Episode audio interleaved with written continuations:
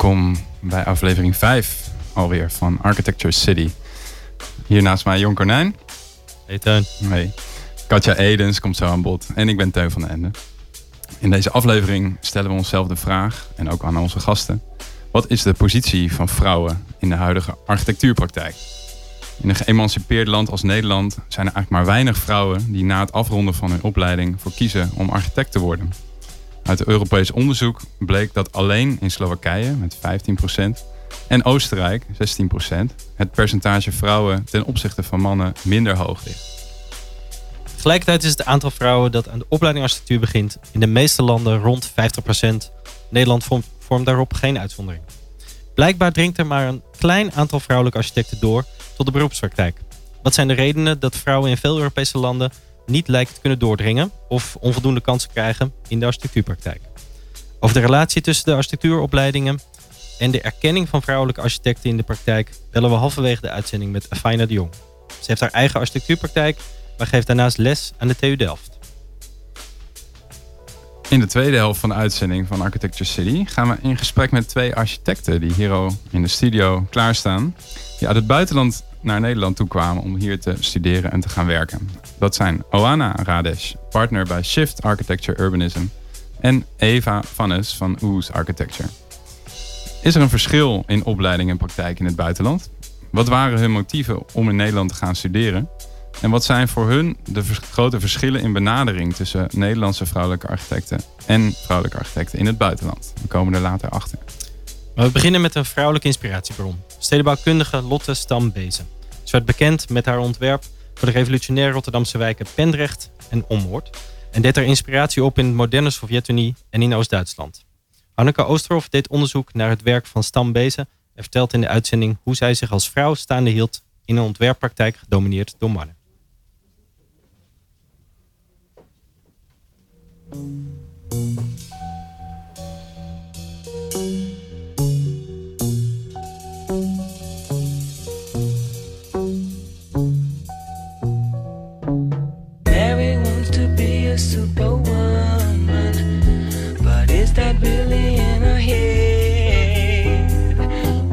Just wanna live each day to love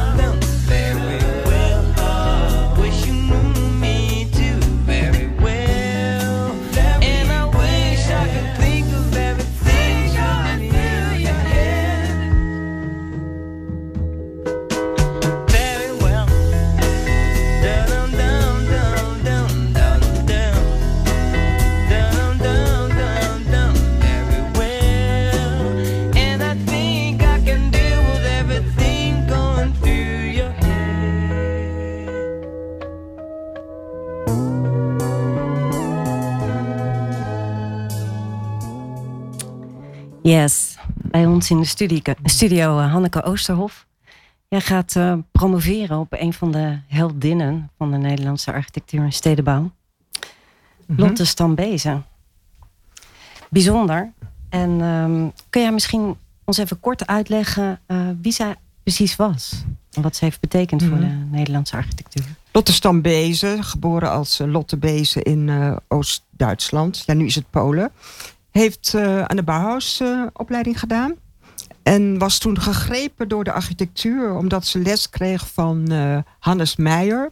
een modernistische, socialistische architect. En ze wilde graag architect worden. Hij zei tegen haar, je bent een goede student... je kunt architect worden... maar om nou zelf een praktijk te beginnen... dat lijkt me niet zo geschikt voor jou. Je moet met een man trouwen... en dan kan je met hem samen een bureau... Nou, toen werden ze verliefd op elkaar. En ze moest daarom van de opleiding af. Dat was dus wel heel erg. Want hij was getrouwd? Hij was getrouwd, hij had kinderen, hij was 14 jaar ouder. Nu had je aan het Bauhaus wel allerlei liefdesrelaties, maar dit ging toch iets te ver. Ja. Maar ze was gegrepen door de architectuur en hij heeft haar wel aan allerlei baantjes geholpen. In uh, Brno, in Tsjechoslowakije, in Berlijn. En uiteindelijk is ook gebroken van Hannes Meijer. Ze heeft een kind van hem gekregen. En toen is ze alleen naar de Sovjet-Unie gegaan, naar Oekraïne. En heeft ze daar ook gebouwd aan de Sotschorod, de socialistische steden. Ja. En daar kwam ze weer een... Uh, een leuke man leuke tegen. man tegen. ja. ja. En niet de minste. Op, nee.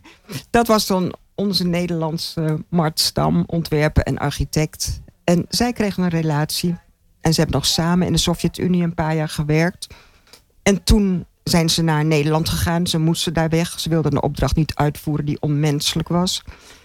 En toen zijn ze in Amsterdam hun bureau hebben ze opgericht. Stam en Bezen Architecten. Zij deed vooral de interieur en hij de architectuur. Het huwelijk liep uh, spaak. En toen dacht ze, ik wil een opleiding gaan, vormen, gaan, gaan volgen. Sorry. Want ik wil architect worden en ook daarin werkzaam zijn. En heeft ze een opleiding gedaan in Amsterdam. Een deeltijd architectuuropleiding. En in 1946 werd ze stedenbouwkundig architect bij de gemeente Rotterdam. Dat in korte ja, lijnen. precies. En wij kennen haar natuurlijk van Pendrecht. Uh, een wijk in Rotterdam, Ommoord, Kleinpolder. Een aantal van die... Uh, nou, ze heeft uh, meegewerkt aan de wederopbouw. Um, goed, jij hebt over haar je proefschrift geschreven. Um, speelde het een rol dat zij een vrouw was? Was je op zoek naar een vrouw om op te promoveren? Ja, ik wilde al heel lang uh, een biografie schrijven over een vrouwelijke ontwerper of kunstenaar. Want daar kan nog wel wat uh, onderzoek naar gedaan worden. En toen ik er tijd voor had, ik was uh, gepensioneerd. Dus ik heb altijd in de museumwereld gewerkt. Toen had ik een aantal vrouwen op een rijtje staan van... Nou, daar zou wel een biografie over kunnen worden geschreven. En er was Lotte Stambezen, was er eentje van. maar ik vond haar het interessantste vanwege haar internationale achtergrond. Er was een boek over haar geschreven, een monografie in 1993. Waarin ook werd gezegd, er kan nog meer onderzoek worden gedaan. En die handschoen heb jij opgepakt? En die heb ik opgepakt. En, ja. ja en je, je, je, je, zegt het net al, je, je koos voor die vorm van de biografie. En dat is op zichzelf een interessant gegeven. Hè? Je ziet als er over architecten wordt geschreven, is dat, zijn het vaak monografieën. Wordt het opgehangen aan het werk. Jij hebt de keuze gemaakt voor een biografie. Dus je hebt eigenlijk je werk opgehangen aan haar leven. Um, kun je iets meer uitleggen over die keuze? Wat, wat is die wisselwerking bij haar? Ja, je kunt volgens mij heel goed zien hoe haar leven, bijvoorbeeld haar uh, leven in de Sovjet-Unie, hoe dat weer zijn weerslag heeft gehad in haar Nederlandse oeuvre.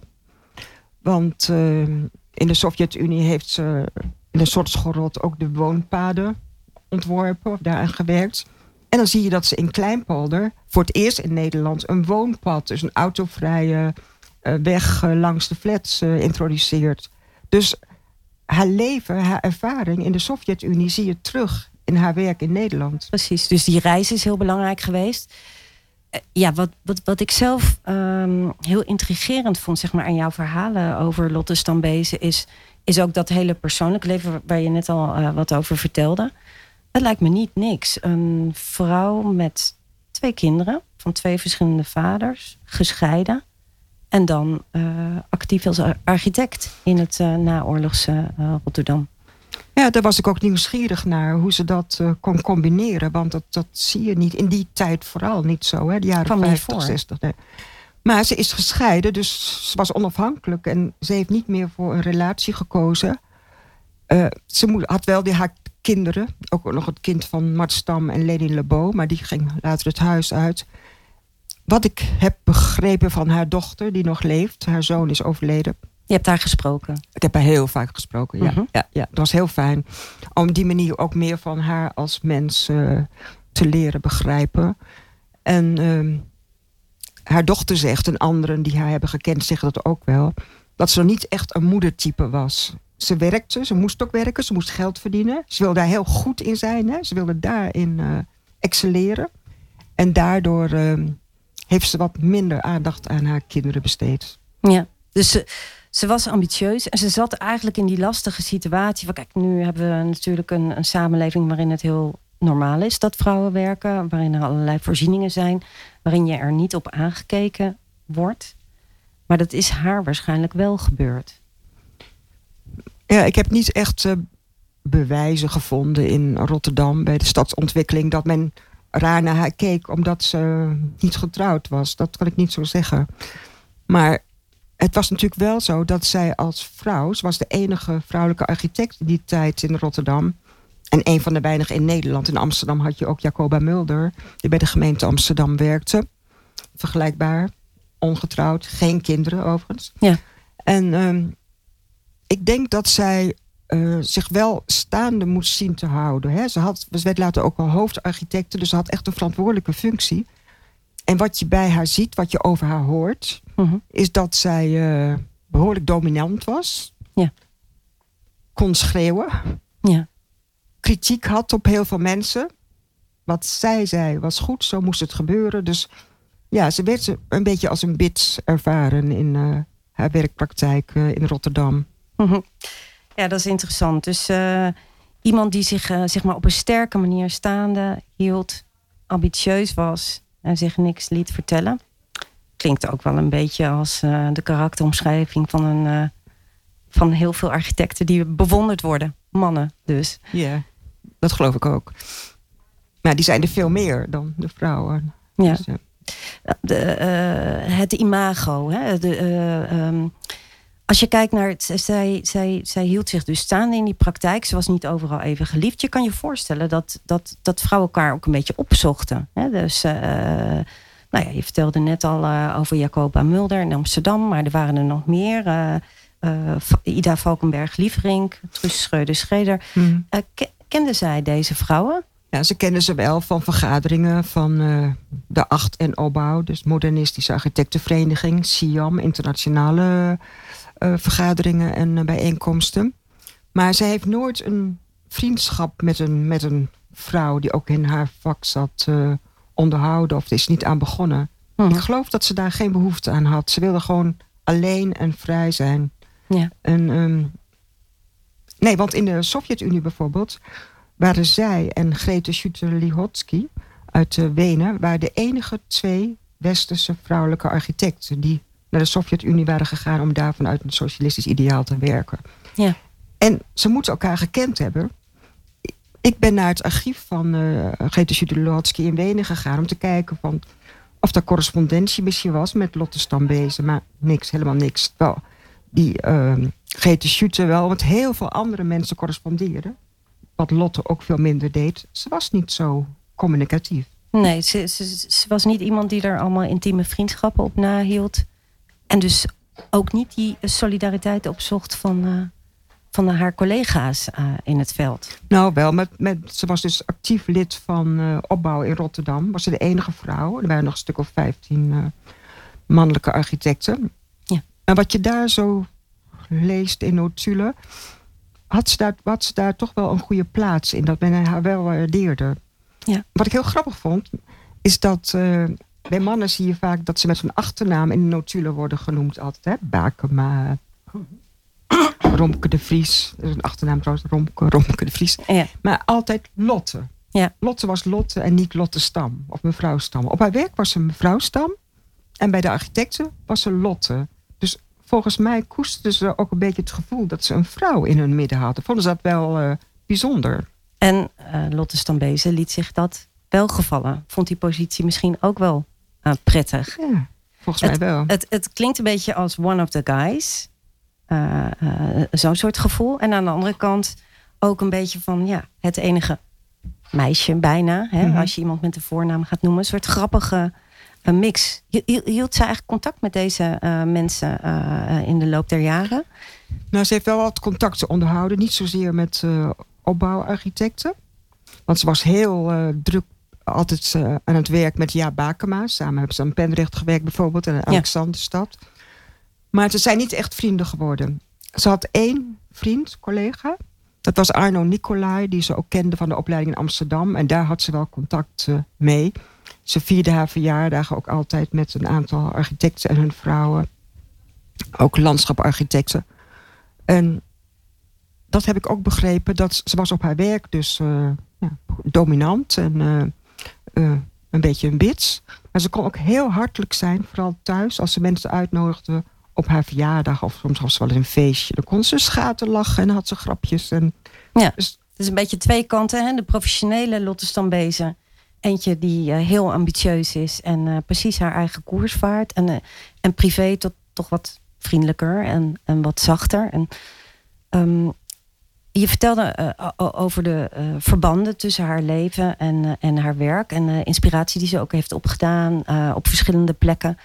Um, wat ik mij afvroeg was, als je kijkt naar die ontwerpen van voor Pendrecht bijvoorbeeld, dan zie je dat daar elementen in zitten Um, ja, die misschien destijds werden gezien als het vrouwelijk element in de architectuur, of misschien nu zelfs nog steeds. Dat zij dus bijvoorbeeld heel veel aandacht besteden aan uh, woonomgeving maken waar alle generaties een plek konden vinden. Hmm. Er zitten ook uh, gemeenschappelijke tuinen uh, in haar ontwerp.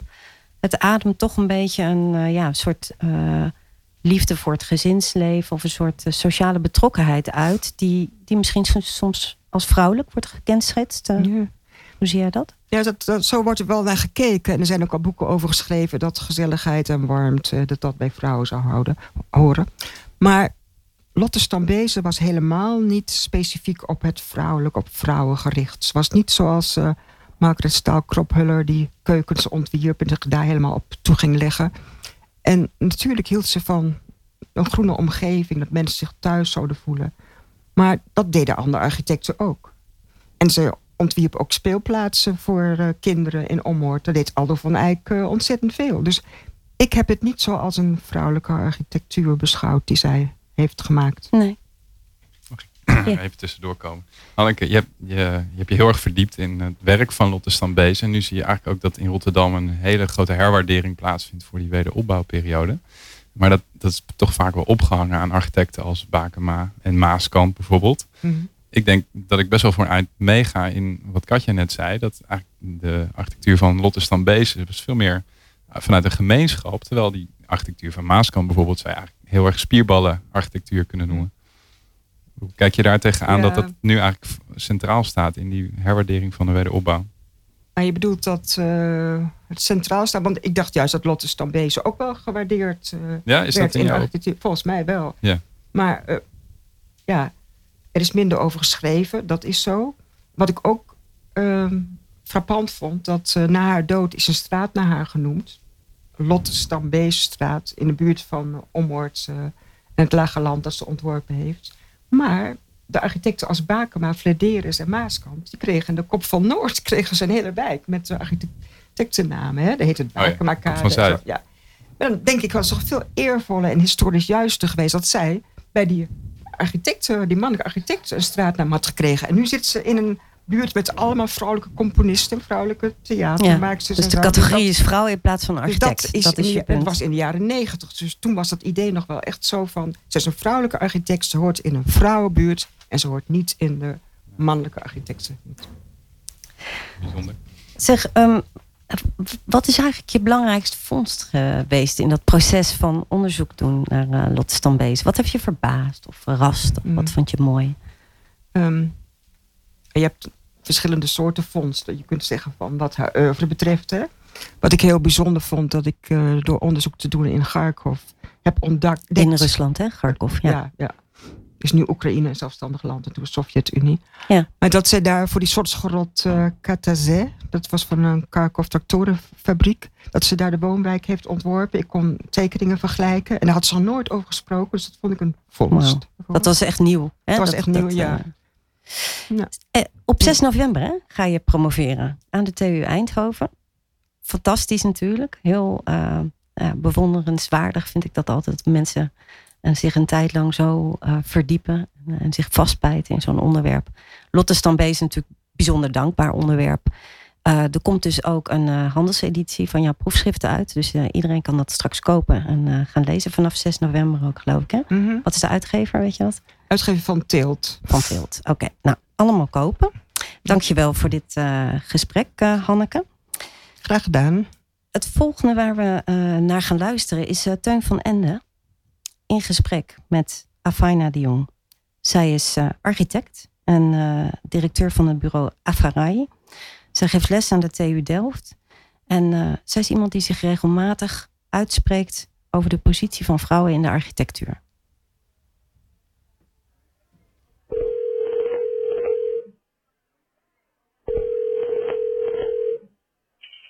Hallo. Hallo Afaina, welkom in de uitzending. Hi. Hi. Hey, um, jij hebt al bijna 15 jaar je eigen praktijk, Afarij. Hoe zou je zeggen dat feminisme daar onderdeel van is? Uh, ja, dat is een leuke vraag. Ik, uh, een goede vraag. Het is niet wat ik heel expliciet uh, op de voorgrond zet, altijd. Maar het is wel iets wat, um, ja, wat ik heel belangrijk vind. Voor mij is de definitie van feminisme een soort ondersteunen of aanmoedigen van praktijken waarin uh, verschillen mensen zeg maar, de ruimte krijgen. Um, en ik denk dat dat ook in architectuur heel belangrijk is. Zeker omdat we in, in onze beroepspraktijk heel erg uh, jarenlang bezig met de bespook creator. En vaak is dat een man, misschien staat er nog een vrouw achter waar je dan niet wat te horen krijgt. Of zijn er allemaal teams vol met vrouwen. Maar laten we zeggen, de soul creator in architectuur, dat is, dat is, dat is vaak een man en dat is heel uh, jammer. Um, ik denk dat het ook vaak niet makkelijk is voor vrouwen in deze beroepspraktijk. Um, dus ik denk ja, dat, dat, dat, dat, het idee van een divers perspectief um, en het idee van, ja, weet je, de vraag, de centrale vraag eigenlijk van, uh, ja, hoe kunnen we als architect, als architecten zeg maar uh, goed uh, de stad van nu ontwerpen, die super divers is. Hè? De realiteit is dat er zijn ontzettend verschillende genders, zoals verschillende culturele achtergronden, mensen hebben handicap en zijn hebben andere seksuele achtergronden, allerlei dingen die eigenlijk um, ja, niet echt meegenomen worden in het, het want de ontwerp staat vanuit een singular white male assimilistisch uh, uh, perspectief. En ik vind dat dat op dit moment in tijd gewoon, ja, het kan eigenlijk niet meer. Want dat betekent dat ze dan, we worden wel opgeleid, maar dan zijn we ook van het om eigenlijk met de hedendaagse conditie uh, om te gaan en daar iets goed voor te ontwerpen. Ja. Um, dus dat zijn dingen die ik in, in de basis van mijn praktijk heel belangrijk uh, vind. Ja. Ja, je zegt eigenlijk dat die stad is super divers uh, geworden. Eigenlijk, uh, als we even terug in de tijd gaan. Um, en dan heb ik het ook even over de architectuurwereld zelf. Toen werkte Ja. dus de Amerikaanse architect Denise Scott Brown keihard gepasseerd. Eigenlijk toen haar man en, en uh, compagnon Robert Venturi wel een Pritzker Prize ontving. En zij niet, uh, terwijl ze eigenlijk altijd samenwerkten. Ze vroeg daar terecht heel veel aandacht voor. Is er eigenlijk sindsdien, en dan hebben we het over begin jaren negentig, uh, veel veranderd in de architectuurwereld. Dus een meer waardering voor vrouwelijke architecten.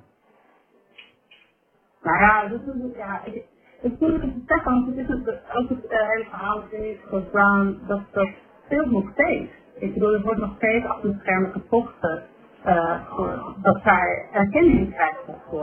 Hè?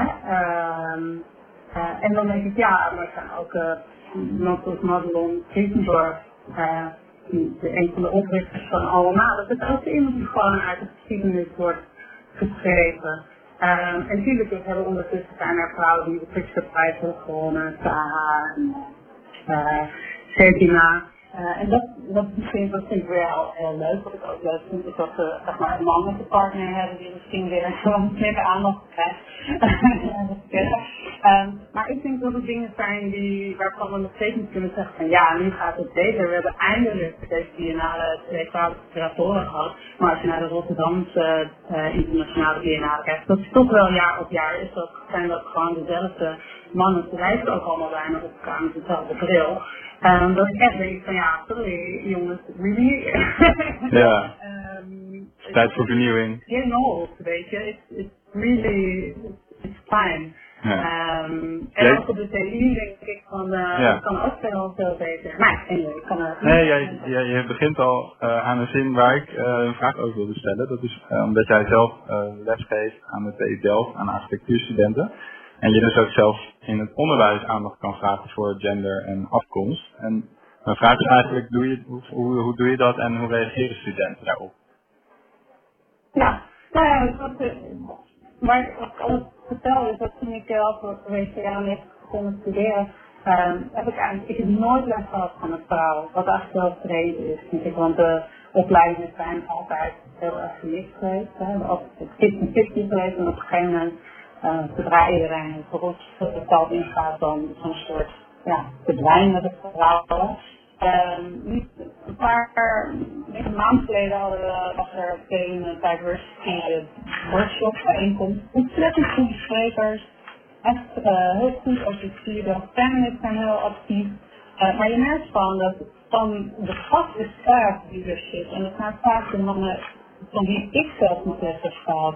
20 jaar geleden. Die komen gewoon niet opdagen. Uh, de decaan is er, maar die, die, begrijpt het niet, die wil het eigenlijk ook niet echt begrijpen, die ziet er geen noodzaak voor. Uh, en dat is gewoon heel problematisch. En ook voor mijzelf, uh, ja, ik heb dit jaar er ook dan voor gekozen om een soort te nemen, omdat ik eigenlijk geen zin heb om in zo'n narrow perspective les te geven. Dit is iets wat je, wat je automatisch doet. De perspectief die ik heb als een uh, woman of color in, een, in een soort academische omgeving waar ik de enige ben. Uh, ja, dat, dat, dat, dat ik sowieso in de in zeg maar de design studio die ik gaf. Um, en ik denk dat dat voor studenten heel verfrissend is, omdat het gewoon anders is. Het vraagt te ontwerpen vanuit het besef uh, dat je kan hebben als user. Hoe gaat iemand het echt ervaren? Probeer daarin te embedden. En ik probeer ook altijd de noodzaak voor, voor het echte hedendaagse te zien. Ik zie niet in waarom we les moeten geven van, nou laten we een museum ontwerpen. Welke architect bouwt er nou een museum? Dat is echt één, één op besluit. Dat is nu de opgave die we tegenwoordig voor ons hebben. Hè? Ja. Um, maar anyway, dus ik, ik denk dat ik, uh, ik in de Nederlandse opleiding weinig ruimte voor om daar exclusief mee bezig zijn. Ik denk dat dat heel problematisch is en um, wij eigenlijk ook op de DU uh, we vaak neergelegd. Kan er uh, een, een, het, uh, het is per se een chair gaan, misschien is het een studio, iets ja. dat gaat over eigenlijk intersectional feminism en, en interdisciplinary practice. Want als je het over feminisme hebt, ik bedoel, feminisme van nu is intersectional. Dus het gaat niet alleen over vrouwen, het is niet alleen voor vrouwen. Het gaat over verschillende perspectieven. Dus je bent vrouw, je, je hebt een bepaalde sexual preference, je komt uit een bepaalde sociale klasse. Het gaat, het gaat erom met verschillen. Oké. Okay. Dankjewel, Afina voor je delen ja, van je gezichtspunten.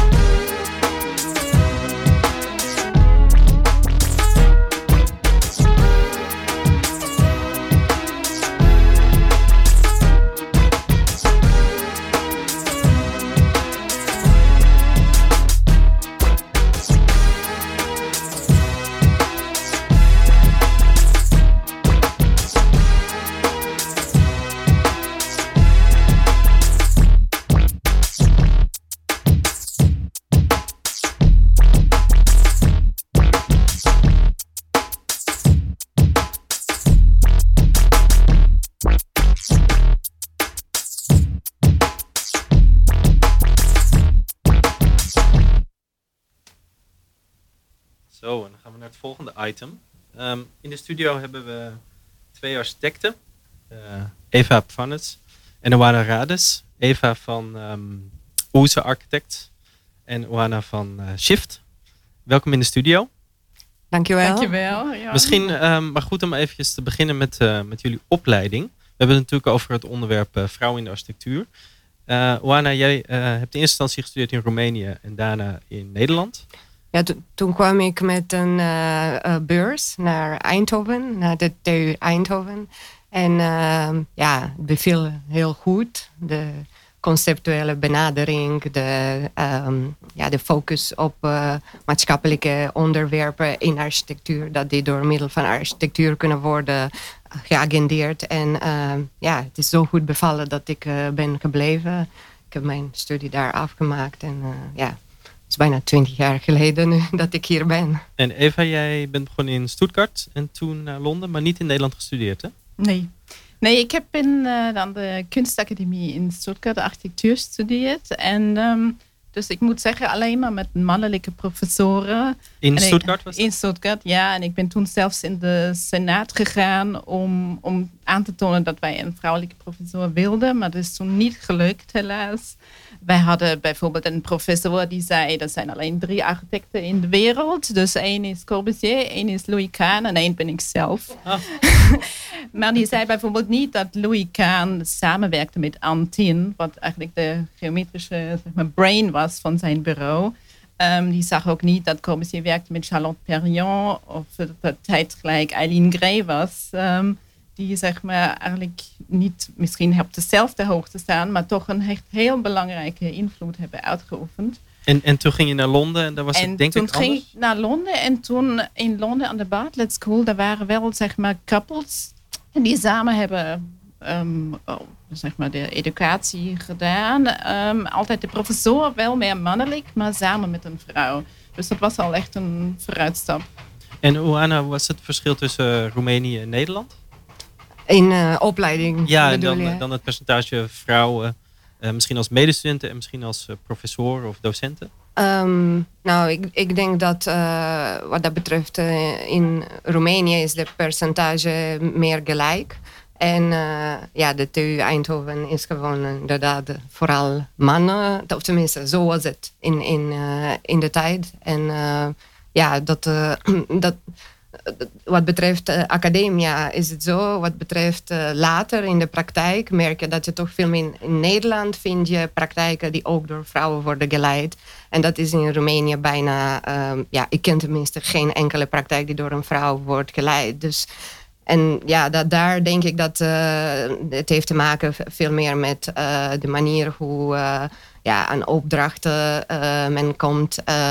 Roemenië is nog een ja, vrij conservatieve plek in de architectuur, waar de, zeg maar, gedomineerd door een aantal netwerken. Je kent het wel, old boys netwerken, waar door architecten opdrachten worden gegeven. Terwijl ik denk in Nederland de, de klimaat die bestond, vooral nou ja, in de uh, jaren negentig en daarna voor architectuurtalenten uh, promoveren, jonge architecten een kans te geven. Dat, uh, ik denk dat dat heeft, tenminste in mijn geval, aan toegeleid om, om te kiezen om ja, hier te blijven en hier ook zelfstandig voor een carrière te kiezen. En waren er dan ook specifieke vrouwelijke architecten waarvan je dacht van hé, hey, daar kan ik me aan, aan optrekken of profileren of mee vergelijken?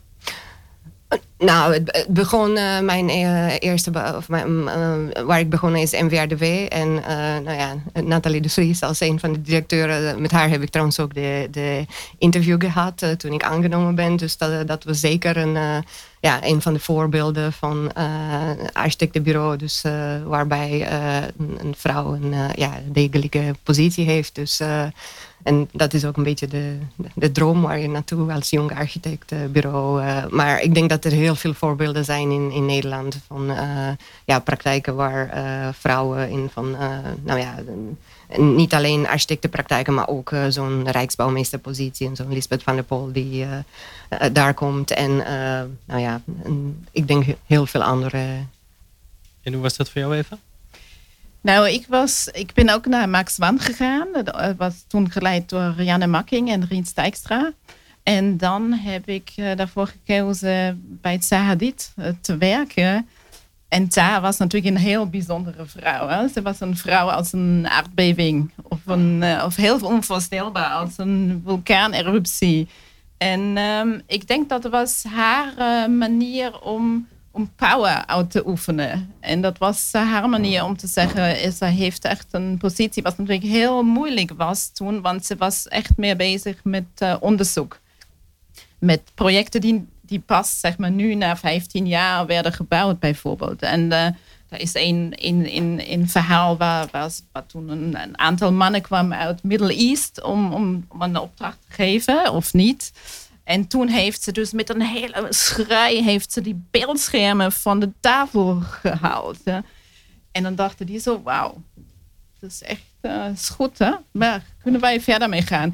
en um, zo, op die manier denk ik heeft ze het um, uitgeoefend. En het was natuurlijk ook angstinwekkend. En, en niet misschien wat wij als vrouwelijk uh, nu gaan zien. Maar ik, het was wel niet zoals ik uh, mijn praktijk voer. Maar Denk je dat dat ook nodig is eigenlijk voor, voor vrouwen? In die periode, je schetst het al een beetje, had ze het nodig om, om een soort van gewicht in de schaal te leggen.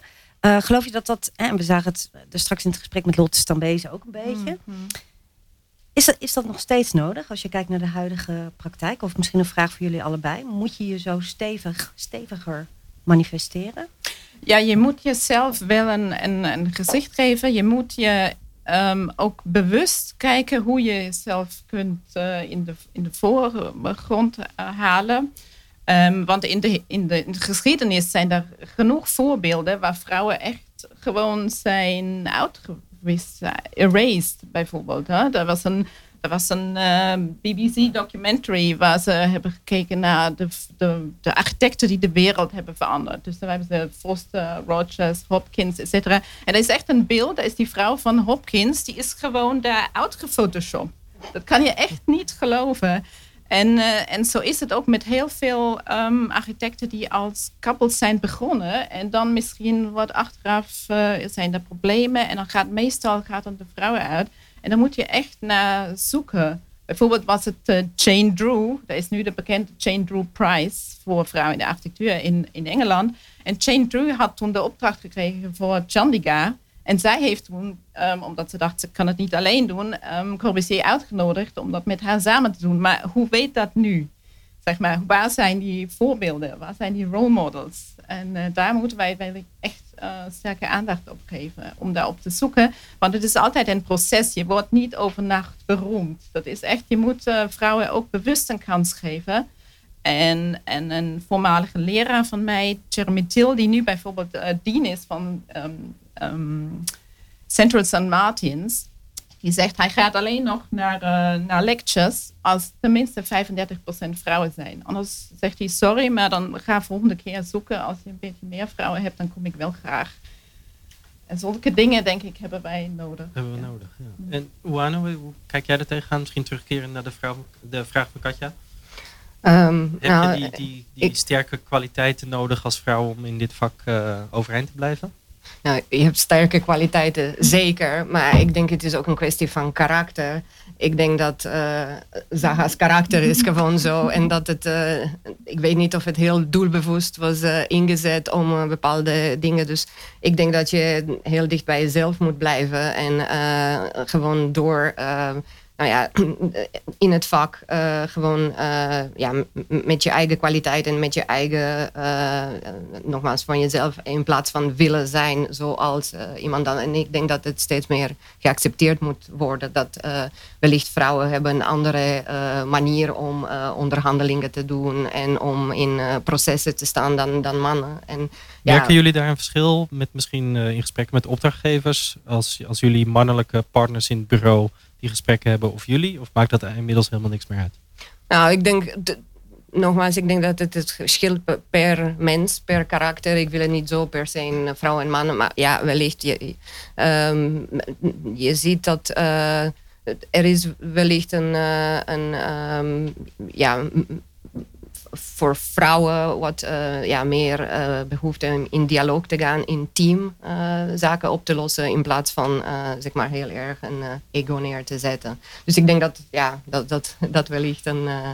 een maar terug te gaan naar, ik ben helemaal eens met Eva, dat uh, ik denk dat het moeten uh, platforms gecreëerd worden en kansen, gelijke kansen gecreëerd worden. En dan binnen die, die uh, speelveld dat vrouwen gelijk kunnen opereren mm. met mannen. Dus dat, dat, dat is zeker nodig. En want als je naar de mm. cijfers kijkt, het is ja, een beetje droevig. Terwijl al kijk naar de cijfers van de architectuurstudenten, dat redelijk gelijkwaardig is. Uh, mannen, vrouwen. Hm. En dan lijkt het toch dat er veel meer mannen doorstromen naar uh, de professie architectuur dan, uh, dan vrouwen. Ja, dan heb je van de 31 uh, heb je eentje, Lisbeth van der Pool. Gelukkig. Um, nou, ik denk dat wij ook moeten um, benadrukken dat architectuur een, een heel complex proces is, waar meestal niet één persoon bovenop staat. En waar meestal een groep mensen en natuurlijk een heel groot bureau. En wij moeten, dat ook, wij moeten daar ook credit voor geven en de ruimte voor die credit. Bijvoorbeeld, um, we hebben net een prijsvraag gewonnen, dus met die brood en spelen. Dus we hebben acht teams gewonnen. Maar dan is, staat er op de architect, hè, daar staat dan een credit van bijvoorbeeld alleen de naam van de boer die er in het team was. En, en mijn naam, zonder de naam van het bureau, zonder de naam van die andere teamleden. En dan, dan moet ik zeggen, nou sorry, dat kan echt niet.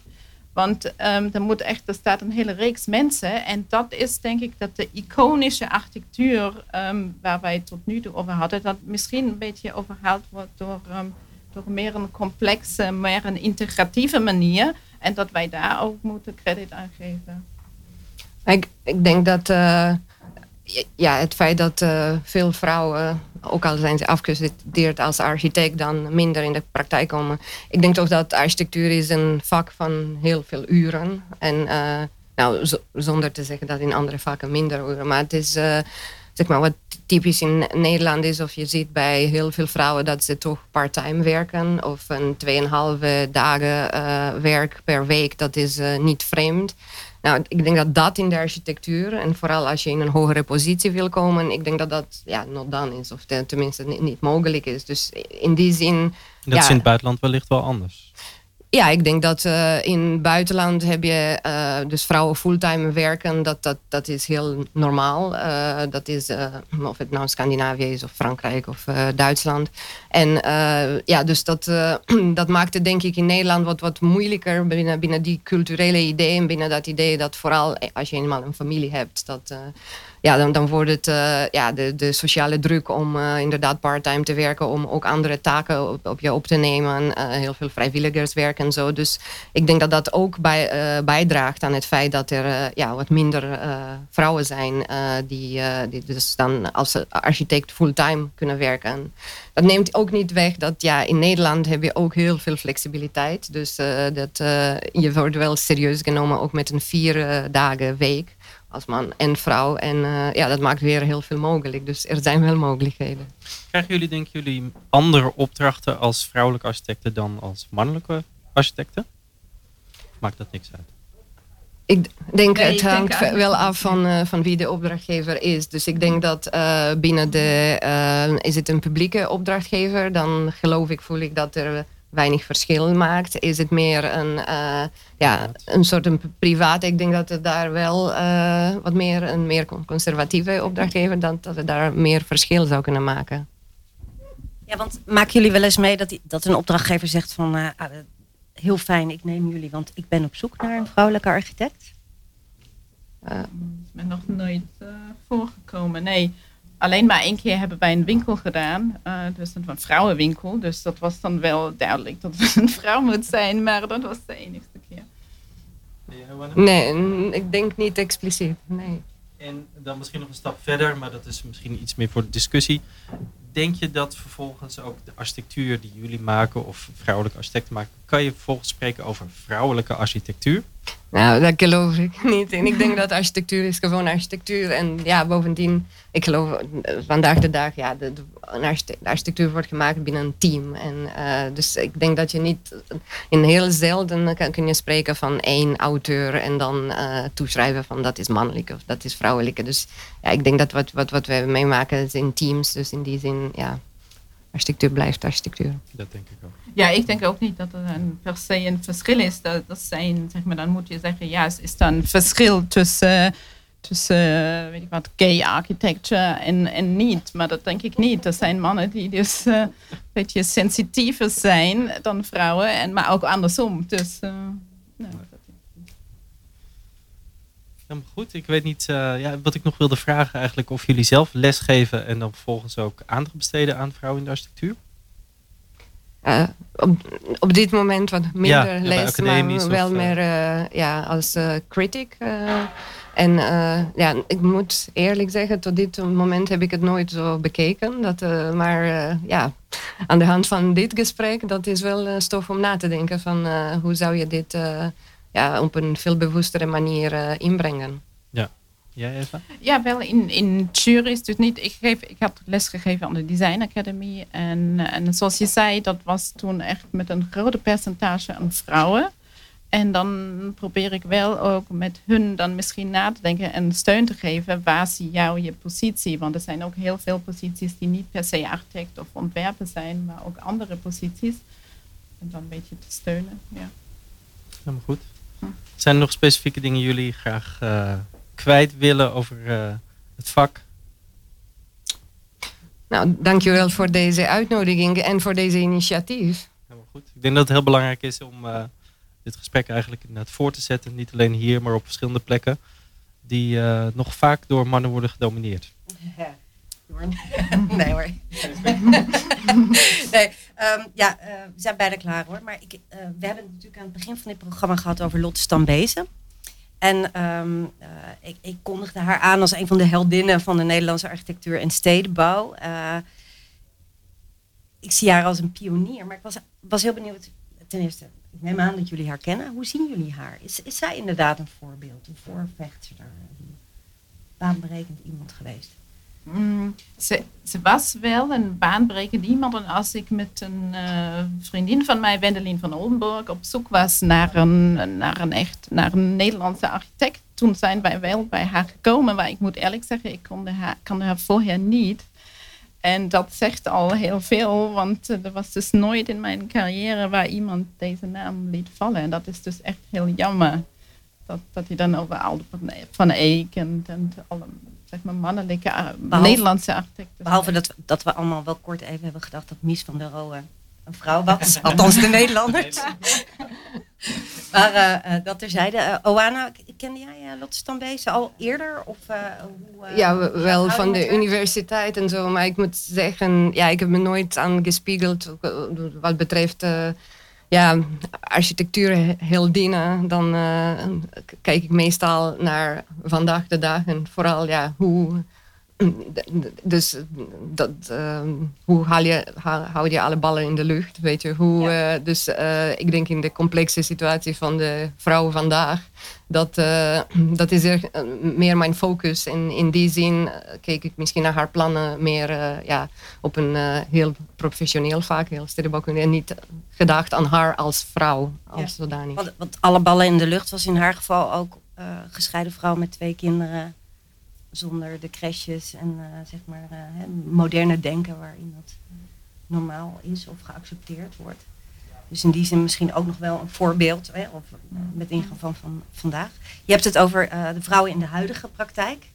Wie zijn nu je voorbeelden? Wie bewonder je?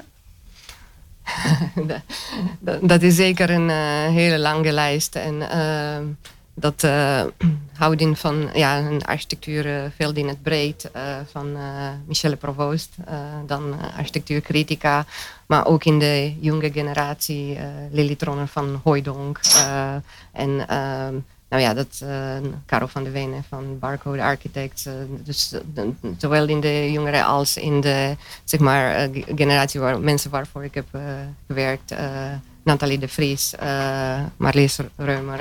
Ik zie haar vaak in juries en zo. En, uh, ja, de, het is een veel te lange lijst en ik kan hier niet uh, iedereen daarbij, maar dat zijn zeker mensen die... dat zijn eigenlijk allemaal Nederlandse? Niet dat, zozeer internationale, of zitten die ook in die lijst?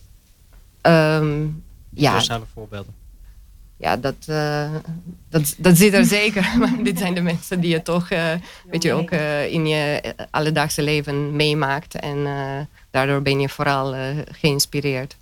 En jij? Ja, voor mij is het zeker meer internationaal en ook meer breed zeg maar, in de geschiedenis, zoals ik al zei. Dus dat is ook Lily Reich, dat is ook Lina Bobardi natuurlijk als Braziliaanse architect, wat super belangrijk is. En dan, dan is het echt goed om, om na te gaan en daar misschien ook meer over te spreken. Hoe hebben zij het gedaan en wat waren zeg maar, wat, hoe is hun carrière gegaan? Hoe is dat opgebouwd? Of Emmanuel Goutron in, in Parijs. Um, dus er zijn wel echt voorbeelden waar je, waar je meer aandacht aan moet geven. Eigenlijk gaat het er ook een beetje om. Het gaat natuurlijk om het heden, maar eigenlijk ook om het herschrijven van die mm. geschiedenis. Mm. Zodat dat beeld beter gaat kloppen mm-hmm. met de realiteit. Ja, en dat wij ook in het geschiedenis kijken waar zijn die rommels. Klopt dat dat er over eeuwen dat er geen enigste vrouw was? Klopt dat? Was het daadwerkelijk zo dat het altijd een bouwmeester was? Ik weet het niet. Heel veel dank voor het gesprek. Um, zoals ik al eerder zei, ik denk dat het belangrijk is om het uh, gesprek voort te zetten. Um, maar nu gaan we er bijna uit. Um, dank jullie en uh, wellicht tot de volgende keer. Dankjewel Johan en Katja. Ja. Dankjewel.